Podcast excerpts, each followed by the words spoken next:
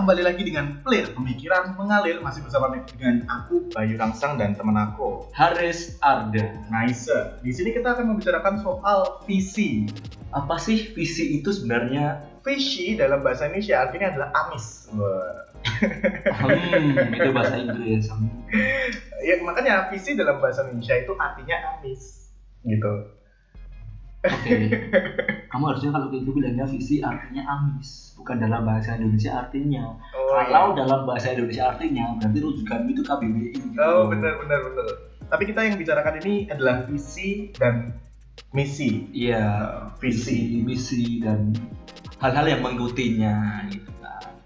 Jadi apa Visi. sih definisi visi itu? Definisi visi adalah kalau disesuaikan dengan KBBI ya, karena kita selalu menggunakan referensi intelektual yang kita faktual. nggak asal ngawur aja Iya. gitu enggak. Secara KBBI, visi itu artinya kemampuan untuk melihat inti persoalan, Ada arti lain? pandangan atau wawasan ke depan, kemampuan untuk merasakan sesuatu yang tidak tampak melalui kehausan jiwa dan ketajaman penglihatan. Hmm, ada arti lain lagi udah. Ada apa Ada. yang tampak dalam khayalan dan penglihatan dan pengamatan. Jadi ternyata penggunaan visi dalam arti kita itu sering kali merujuk pada nomor 2 dan nomor 3. Hmm, Jarang banget kita mengata, menggunakan visi untuk itu tadi apa yang inti permasalahan gitu kan. Jadinya ya kita pakai visinya itu ya konteksnya selalu pandangan, tujuan. iya. Kita melihat visi sebagai lebih dianggap sebagai cita-cita, Iya, jadi bukan sebagai sesuatu yang prediktif. ya visi itu kayak istilah eh, mungkin kayak waktu kita mau main sama temen kita tanya mau main ke mana, nah itu visi jangka pendek. Hmm, Terus ntar kan biasanya kalau udah diputusin nih mau main ke mana gitu kan, ntar diikuti dengan naik apa ke sana, ntar siapa aja, terus lewat mana. Nah itu berarti misi. Hmm, misi adalah eh, hal-hal kecil yang menyusun untuk kita menjadi visi. Iya, jadi untuk menuju visi kita punya misi. Iya, katakanlah aku ingin menjadi bangun datar lingkaran. Gitu. Iya. Visi kita adalah menjadi eh, hal-hal yang menyusun lingkaran tersebut gitu loh. Misalnya Sudut yang tidak terhingga. Jari-jari, Jari-jari. jari-jari. Jari-jari, kok jari-jari, kok jari-jari. Ketika kita memiliki dua jari-jari, kita menjadi satu diameter. Ketika kita punya diameter nanti bisa jadi keliling dengan bantuan pi.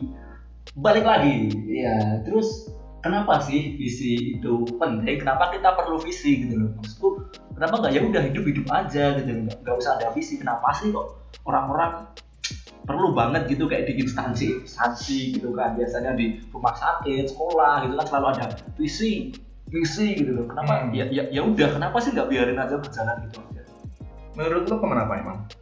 menurutku sih ya dengan adanya tujuan itu membantu kita buat ngecek tiap harinya gitu loh apakah kita semakin dekat dengan tujuan gitu loh kalau nggak ada visi ya kita kayak berjalan istilahnya apa ya? Ya kayak kamu motoran tapi nggak mau nggak tahu mau ke mana. Kamu nggak bisa ngukur kamu tambah dekat atau tambah jauh atau gimana gitu loh. Nggak tahu karena kamu nggak tahu mau ke mana. Iya, benar-benar. Bagi aku juga visi adalah membuat kita manusia sebagai manusia. gimana itu maksudnya?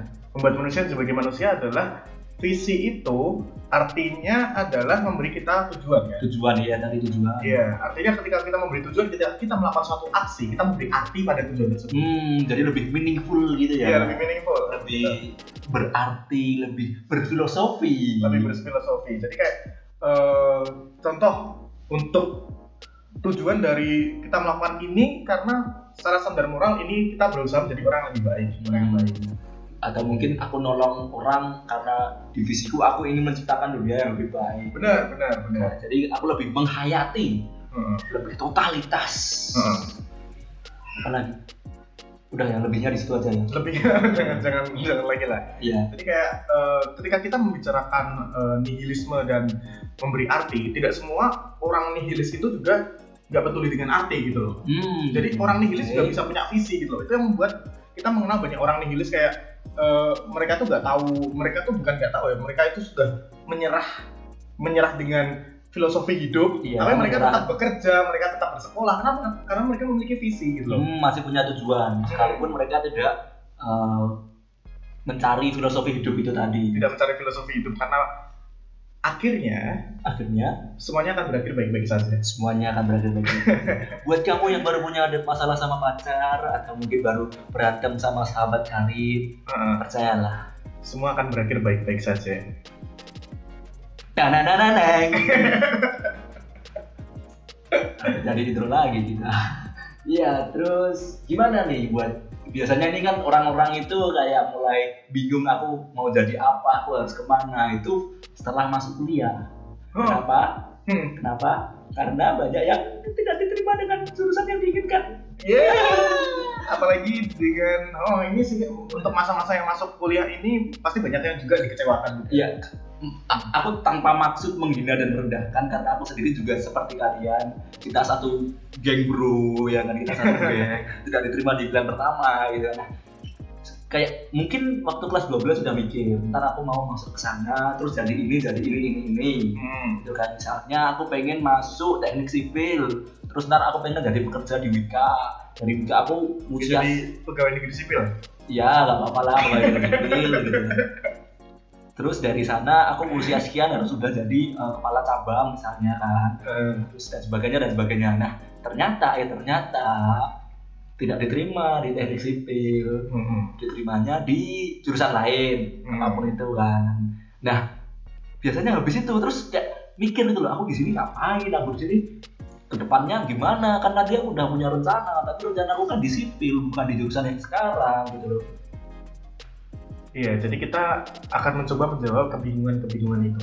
karena kita mencari solusi pada keresahan di usia 20-an Hmm, tapi bukan mencari solusi, eh, memberi solusi tanpa so- tanpa masalah apa sih?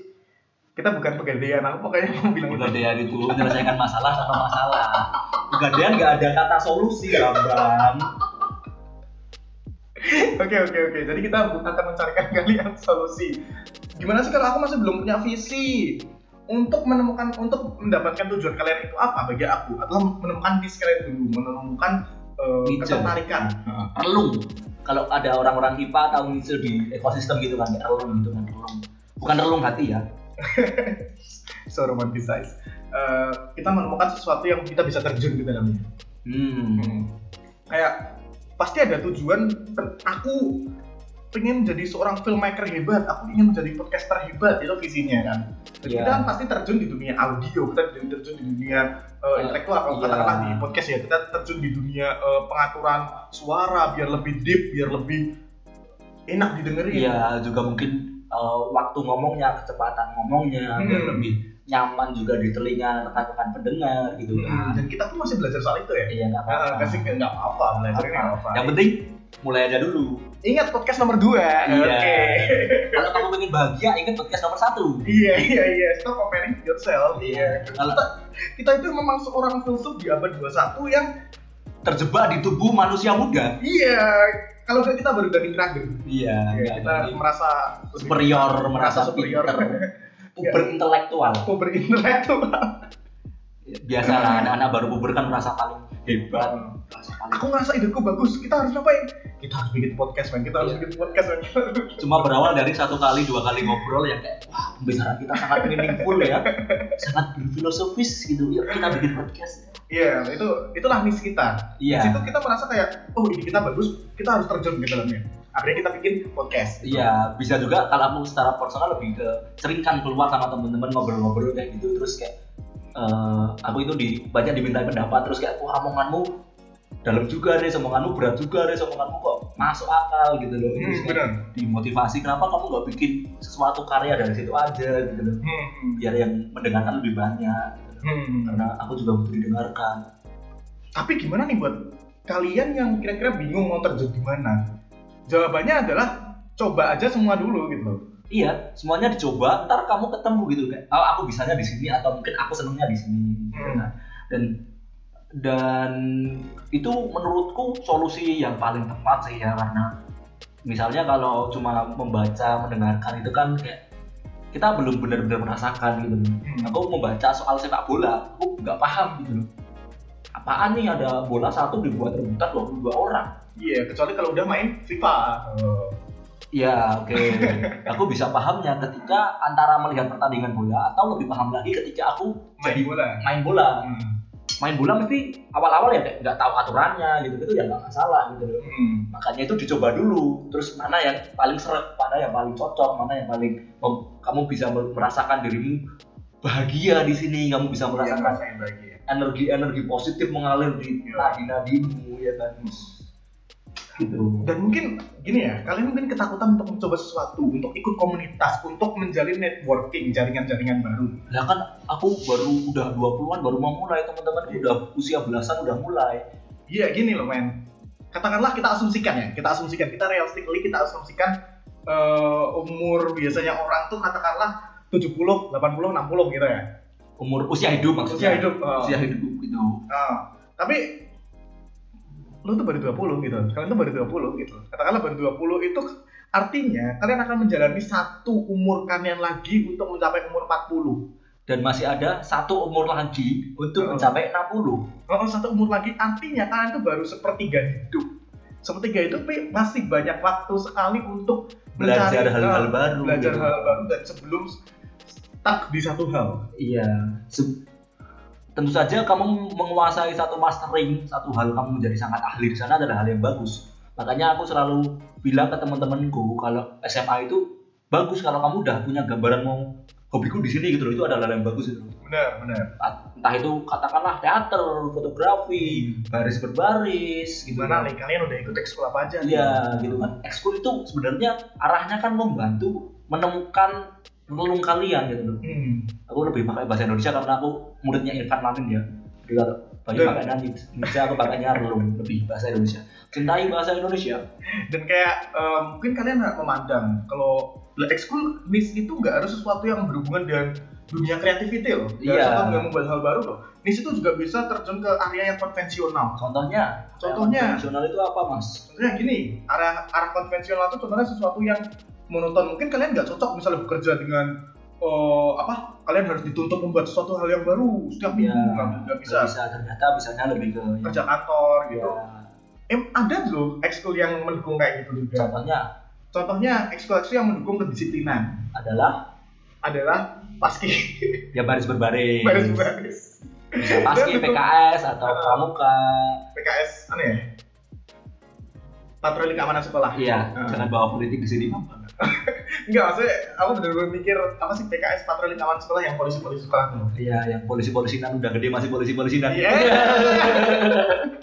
Jadi eh, ya atau mungkin eksul-eksul yang kayak penelitian Ah. gitu kan atau sejenis OSN itu Iya, kan juga lebih penelitian, lebih konvensional juga. lebih konvensional. Dan nggak masalah juga kalau ternyata kamu merasa bahagia di sana, Hmm. kamu merasa nyaman di sana, it's okay, iya gitu loh, nggak masalah. Jadilah ahli sekalian di sana gitu loh. that's your way and start your journey Wis. Kayak kayak kayak teman aku nih kayak teman aku nih dia masuk PKS patroli keamanan sekolah dia tiap hari jadi polisi sekolah Iya. pendisiplin sekolah Wis. dia narikin orang-orang yang eh, nggak mau ikut upacara gitu loh Iya. ketika lulus dia jadi bea cukai stan Dia jadi linear dengan ekskulnya linear gitu. gitu. Linier. Nah, bener-bener dan itu dia bahagia di sana dan kalian bisa mungkin juga menelaah lebih dalam lagi aku ini pengennya di mana. Hmm. Tentu saja ini buat teman-teman yang masih di SMA atau masih memungkinkan untuk ikut ekskul. Mungkin kan ada teman-teman yang mahasiswa yang kalau udah tingkat 2, tingkat 3 itu mau, mau baru masuk ikut UKM kan sungkan gitu loh. Oh. Karena udah terlambat gitu kan harusnya tahun pertama lebih enak gitu dan sebagainya ya. Nggak masalah kan masih ada komunitas-komunitas lain juga. Oh, komunitas lain yang nggak di kampus juga gitu kan atau mungkin online course gitu loh Hmm, dan kursus-kursus online komunitas itu sangat friendly loh. Komunitas Iya. di luar kayak komunitas pencinta reptil Yogyakarta atau Hmm. apa kayak komunitas belajar violin Semarang gitu. Banyak komunitas yang sangat friendly kalian aja yang mungkin perlu mencoba. Bener-bener enak ikut komunitas itu enak. mungkin kalian bisa coba dari DM Instagramnya gitu kan permisi kak gitu. Mau tahu kumpul rutinnya kapan? Bisa dicek di post ya. Dan ternyata emang kalian yang kurang baca. Ya sebenarnya sudah diberi di postingan atau di bio. Kumpulnya tiap Jumat malam tapi kalian tetap ingin bertanya. Tapi itu nggak masalah. Ya, bisa jadi kalian approach-nya ke sana dulu baru pas datang biar kayak lu mas aku ini dan sebagainya dan sebagainya. Perkenalannya lebih enak. Aku kemarin yang DM di IG gitu kan everything everyone has their own uh, stages. Setiap orang memiliki step mereka sendiri sendiri. Fase mereka masing-masing. Fase mereka masing-masing. Katakanlah kamu merasa kayak eh, belum secara secara niche atau secara visi itu belum ada. Tapi mungkin kamu sudah lebih duluan dalam menjalin hubungan komunikasi yang baik dengan teman jalan karisma yang baik dengan teman dan relationship yang baik dengan keluarga mempersiapkan Hmm. mental itu juga bisa. Jadi jangan pernah menyesal untuk mikir kayak aku terlalu terlambat karena kalian mesti lebih dulu untuk melakukan hal lain juga Iya, jadi bisa jadi kamu terlambat di faktor atas persepsi point of view A, tapi kalian lebih cepat di point of view yang lain gitu kan. Jadi uh, bisa untuk mengambil ini kok kesannya kita kayak motivator yang malam ya. ya gak apa-apa Gak apa-apa. karena nanti kita akan membicarakan visi clear gitu Oke, siap. Iya. Menjadi Nanti lah rahasia, rahasia. Nanti dulu di akhir akan dibuka visi pelik. Nah, terus mungkin uh, fase hidup kita ngomonginnya lebih ke arah mungkin fase hidup ya. Jadi nggak usia 20-an nggak masalah itu untuk bingung menemukan mencari-cari. gitu. oh, secara general. Justru itu hal yang bagus gitu loh biar kalian uh, ketika usia 20-an akhir menginjak 30 kalian uh, sudah berada di tempat yang kalian sukai gitu. Iya. Apa pun itu. Iya. Either konvensional atau kreatif non konvensional itu tadi Hmm.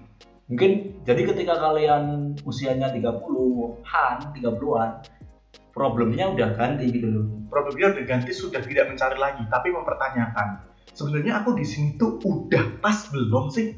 Atau mungkin mencari sesuatu yang baru kalau Iya. ternyata udah pas gitu kan. Hmm. Kayak kayak ada orang-orang yang selalu memperbaharui visinya ketika udah tercapai bikin visi baru biar nggak monoton hidupnya, biar nggak gitu-gitu aja, biar menjadi lebih baik gitu-gitu misalnya. Eh, kamu jadi ingat nih sama seseorang. Eh, entah kalian mungkin eh, memandang sebagai Deddy Corbuzier sebagai figur kalian bukan ya, tapi buat aku dia bukan figur apa, tapi ada sesuatu hal yang baik yang bisa dilihat dari beliau. Yang pertama, beliau adalah kita mengenal beliau sebagai seorang Master magician, magician, master mentalis, the mentalis mentalis. Lalu dia mendapatkan nomor satu mentalis sedunia sedunia buat selama dua kali. Selama dua kali. Lalu gila beliau, sih. huh, lalu langsung resign man. Iya. untuk Mencari hal baru. mencari hal baru. Hal baru itu kemudian dia jadi host. Host di hitam putih. Iya, host hitam putih. Ketika, ketika hitam putih juga mendapatkan achievement banyak, achievement banyak, achievement sebagai eh, talk show terbaik dan di. Indonesia, yang saingannya cuma satu yaitu adalah Kick Andy. Terus dia memutuskan untuk YouTube menjadi apa namanya? Mas apa bapak trending Indonesia. uh, bapak trending Indonesia.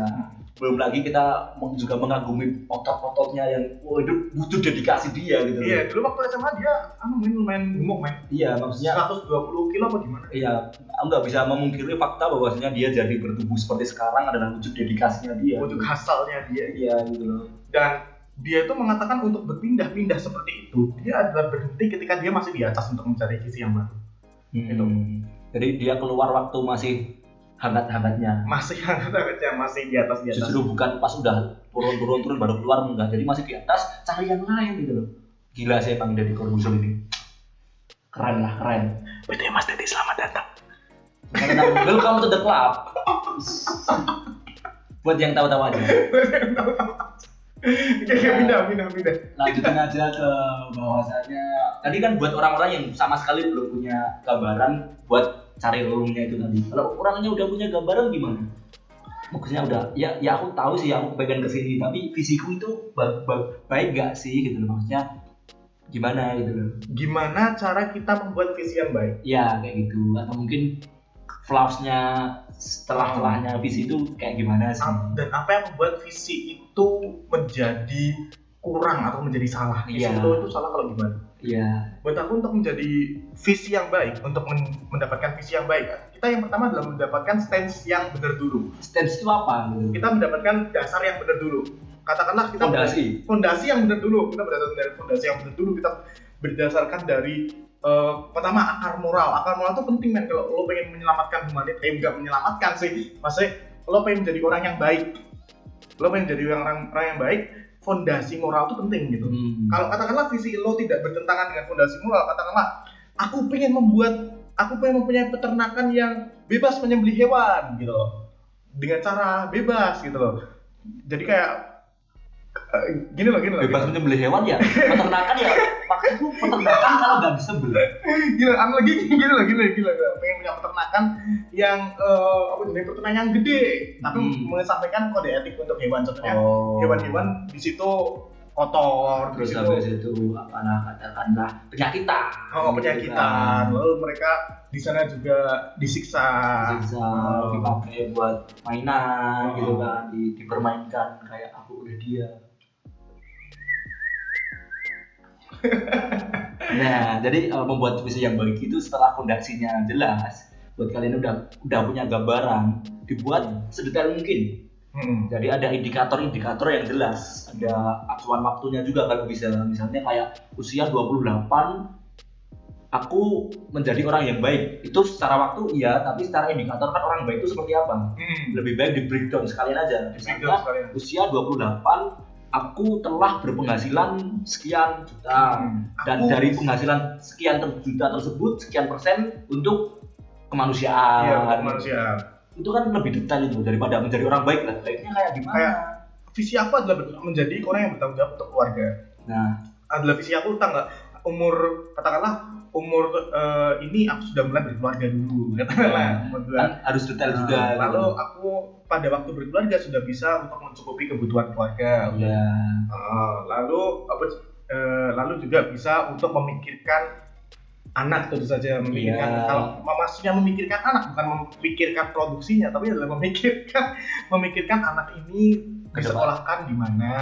Karena anak tentu saja waktu kecil belum bisa memiliki kemampuan untuk memilih gitu ya Memilih jadi kita yang harus memilih. Kita yang harus memilih. mengedukasi dari awal gitu kan. Apakah kita pengen sekolah yang eh, mereka makrong makrong eh, fondasinya kayak gini ya, tapi kalau sekarang kita nggak bisa milih sekolah iya karena kita dibatasi oleh zonasi zonasi nggak masalah. Aku mendukung zonasi mendukung zonasi aku masih memikirkan itu. Aku mau berantem sama temenku masalah itu. Kok malah curhat? Kita lanjutkan pembicaraan ke selain detail itu tadi coba juga yang realistis juga ya. Maksudnya eh, aku punya visi untuk mengubah masa lalu.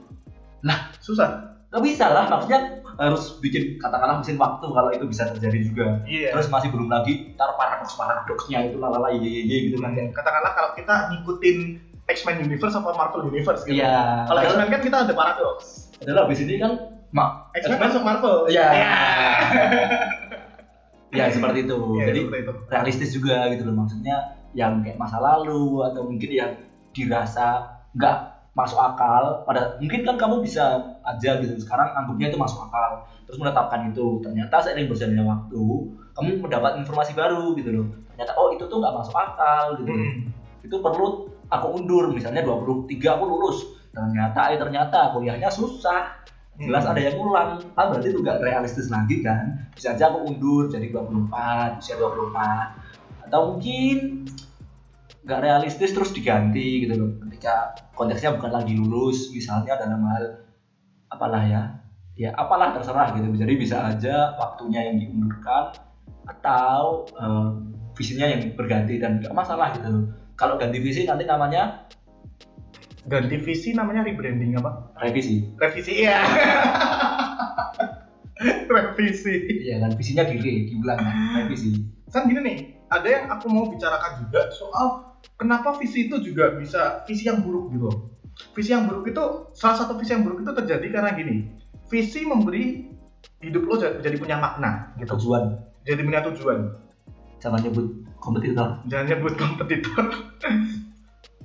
Gak apa-apa baru ada masalah oke lanjutkan lalu gini eh, tapi untuk memberi mereka untuk memberi mereka tujuan untuk memberi hidup kita tujuan kita tidak boleh memberi tujuan itu karena gini kita memberikan visi untuk memberikan tujuan itu artinya kita meromantisasi hidup kita kan kita memberikan itu sebagai sebuah makna itu kan meromantisasi hidup kita untuk kita tidak menganggap hidup ini sebagai sesuatu yang meaningless gitu oke untuk kita tidak menganggap hidup ini menjadi nihil. Nah, problemnya adalah problemnya adalah ketika eh, kita terlalu banyak memberikan romantisasi yang tidak penting di situ. Mencocok-cocokkan sesuatu yang sangat besar seolah kosmik berada di sekitarmu, seolah dunia the world revolve on you iya, padahal the world revolves on you gitu. enggak juga Padahal nggak juga. Ada yang namanya adalah filosofi dari bahasa Latin yang namanya post hoc ergo propter hoc. susah susah artinya gimana ini udah artinya aja gitu post hoc ergo propter hoc itu artinya adalah gini. Karena ada event X, kejadian X lalu karena ada kejadian X, lalu jadi Y. Ini pasti X ini yang bikin Y. padahal belum tentu Padahal belum tentu. oke Ini contohnya bisa diterapin di zodiak. zodiak Contohnya lo eh anu zodiak karena gini nih gue Sagittarius, aku artinya menye-menye gitu. Artinya aku nggak boleh pekerjaan-pekerjaan yang melibatkan eh perasaan oh pra- perasaan atau aku harus jadi orang yang tegas. Itu nggak bisa nih kayak gitu. mungkin uh, menyalahkan zodiak atas sifat buruknya Nah, kan zodiak kata sifat buruknya. kamu ini keras kepala banget ya biar ya emang Aries tuh kayak gini kok itu bawaan lahir Iya, artinya visi lo nggak boleh berdiri atas sesuatu yang sesat pikir. iya Gitu. nonsense gitu kan Nah, konsep gitu loh. kayak atau apalah kayak yang dulu diiklanin gitu loh kamu lahirnya wage kliwon eh wage kliwon Hmm. kamu lahirnya Jumat wage Hmm. kamu nggak cocok kerja di air gitu Hmm. misalnya atau sejenisnya kayak gitu kayak gitu kayak ayolah kita udah abad 21 gitu kita harus coba aja dulu gitu. iya mulai aja dulu Mau aja dulu. Tapi pada akhirnya eh, sebuah eh, dasar kepercayaan terus saja misal lo juga percaya hal tersebut itu juga sesuatu yang tidak bisa diganggu gitu. Iya. Itu kan hak lo juga. iya kita nggak akan mengintervensi Heeh. kebebasanmu untuk berkeyakinan kami intervensi kami larang gak boleh berkeyakinan kalau X menyebabkan Y selama kalian tidak mempropagandakan itu enggak masalah Nah, nggak masalah. kalau kamu udah mempropagandakan itu akan kami lawan dengan propaganda kali Jadi gini nih, udah Kalau- semua ya yang kita ngomongin tadi yang kita pengen yang kita pengen omongin udah semua. Tapi gini, visi buat player sendiri apa nih? Visi buat podcast player adalah Haris. menolak box to box ID ketika mengajaknya mengajak kami untuk join party Iya, karena kita sangat memegang kepercayaan bahwa eh, laki-laki yang baik, laki-laki yang baik adalah laki-laki yang menolak ajakan gadis cantik. Pit? ya pokoknya ketika diajak tapi kamu menolak karena kamu setia gitu loh kamu Iya. eh, setia jadi menolak ajakan untuk tindakan yang diinginkan gitu Box to box.id kita podcast yang keren. Lu juga podcast yang keren. tapi kami menolak untuk anda akuisisi Iya. padahal belum ada ajakan Padahal belum ada ajakan. justru itu visinya visi kita itu Iya. pengen mereka ngajak kita kita menjadi sangat besar hingga mereka ngajak kita Iya. Pas Oh. mereka ngajak kita tolak Kita tolak. Iya. Iya. Artinya kalau mereka udah ngajak berarti kita udah gitu. Iya. Iya. begitu Enggak, sih, masa gitu tuh. enggak lah itu Oh. itu itu bercanda lah kalau diajak box to box ya aku mau mau aja lah anjir maksudnya sama Gustika Pangeran itu siapa yang nggak pengen gitu Eh, siapa yang nggak pengen? No, no. sebagai public public figure kita Iya. apa tuh yang gini nih kalau visinya player player yang yang beneran yang beneran gini dengerin ya being mindful being respectful and our ideas is going to be your inspiration. Itulah visi kami. What's yours? Selamat datang di pelir pemikiran mengalir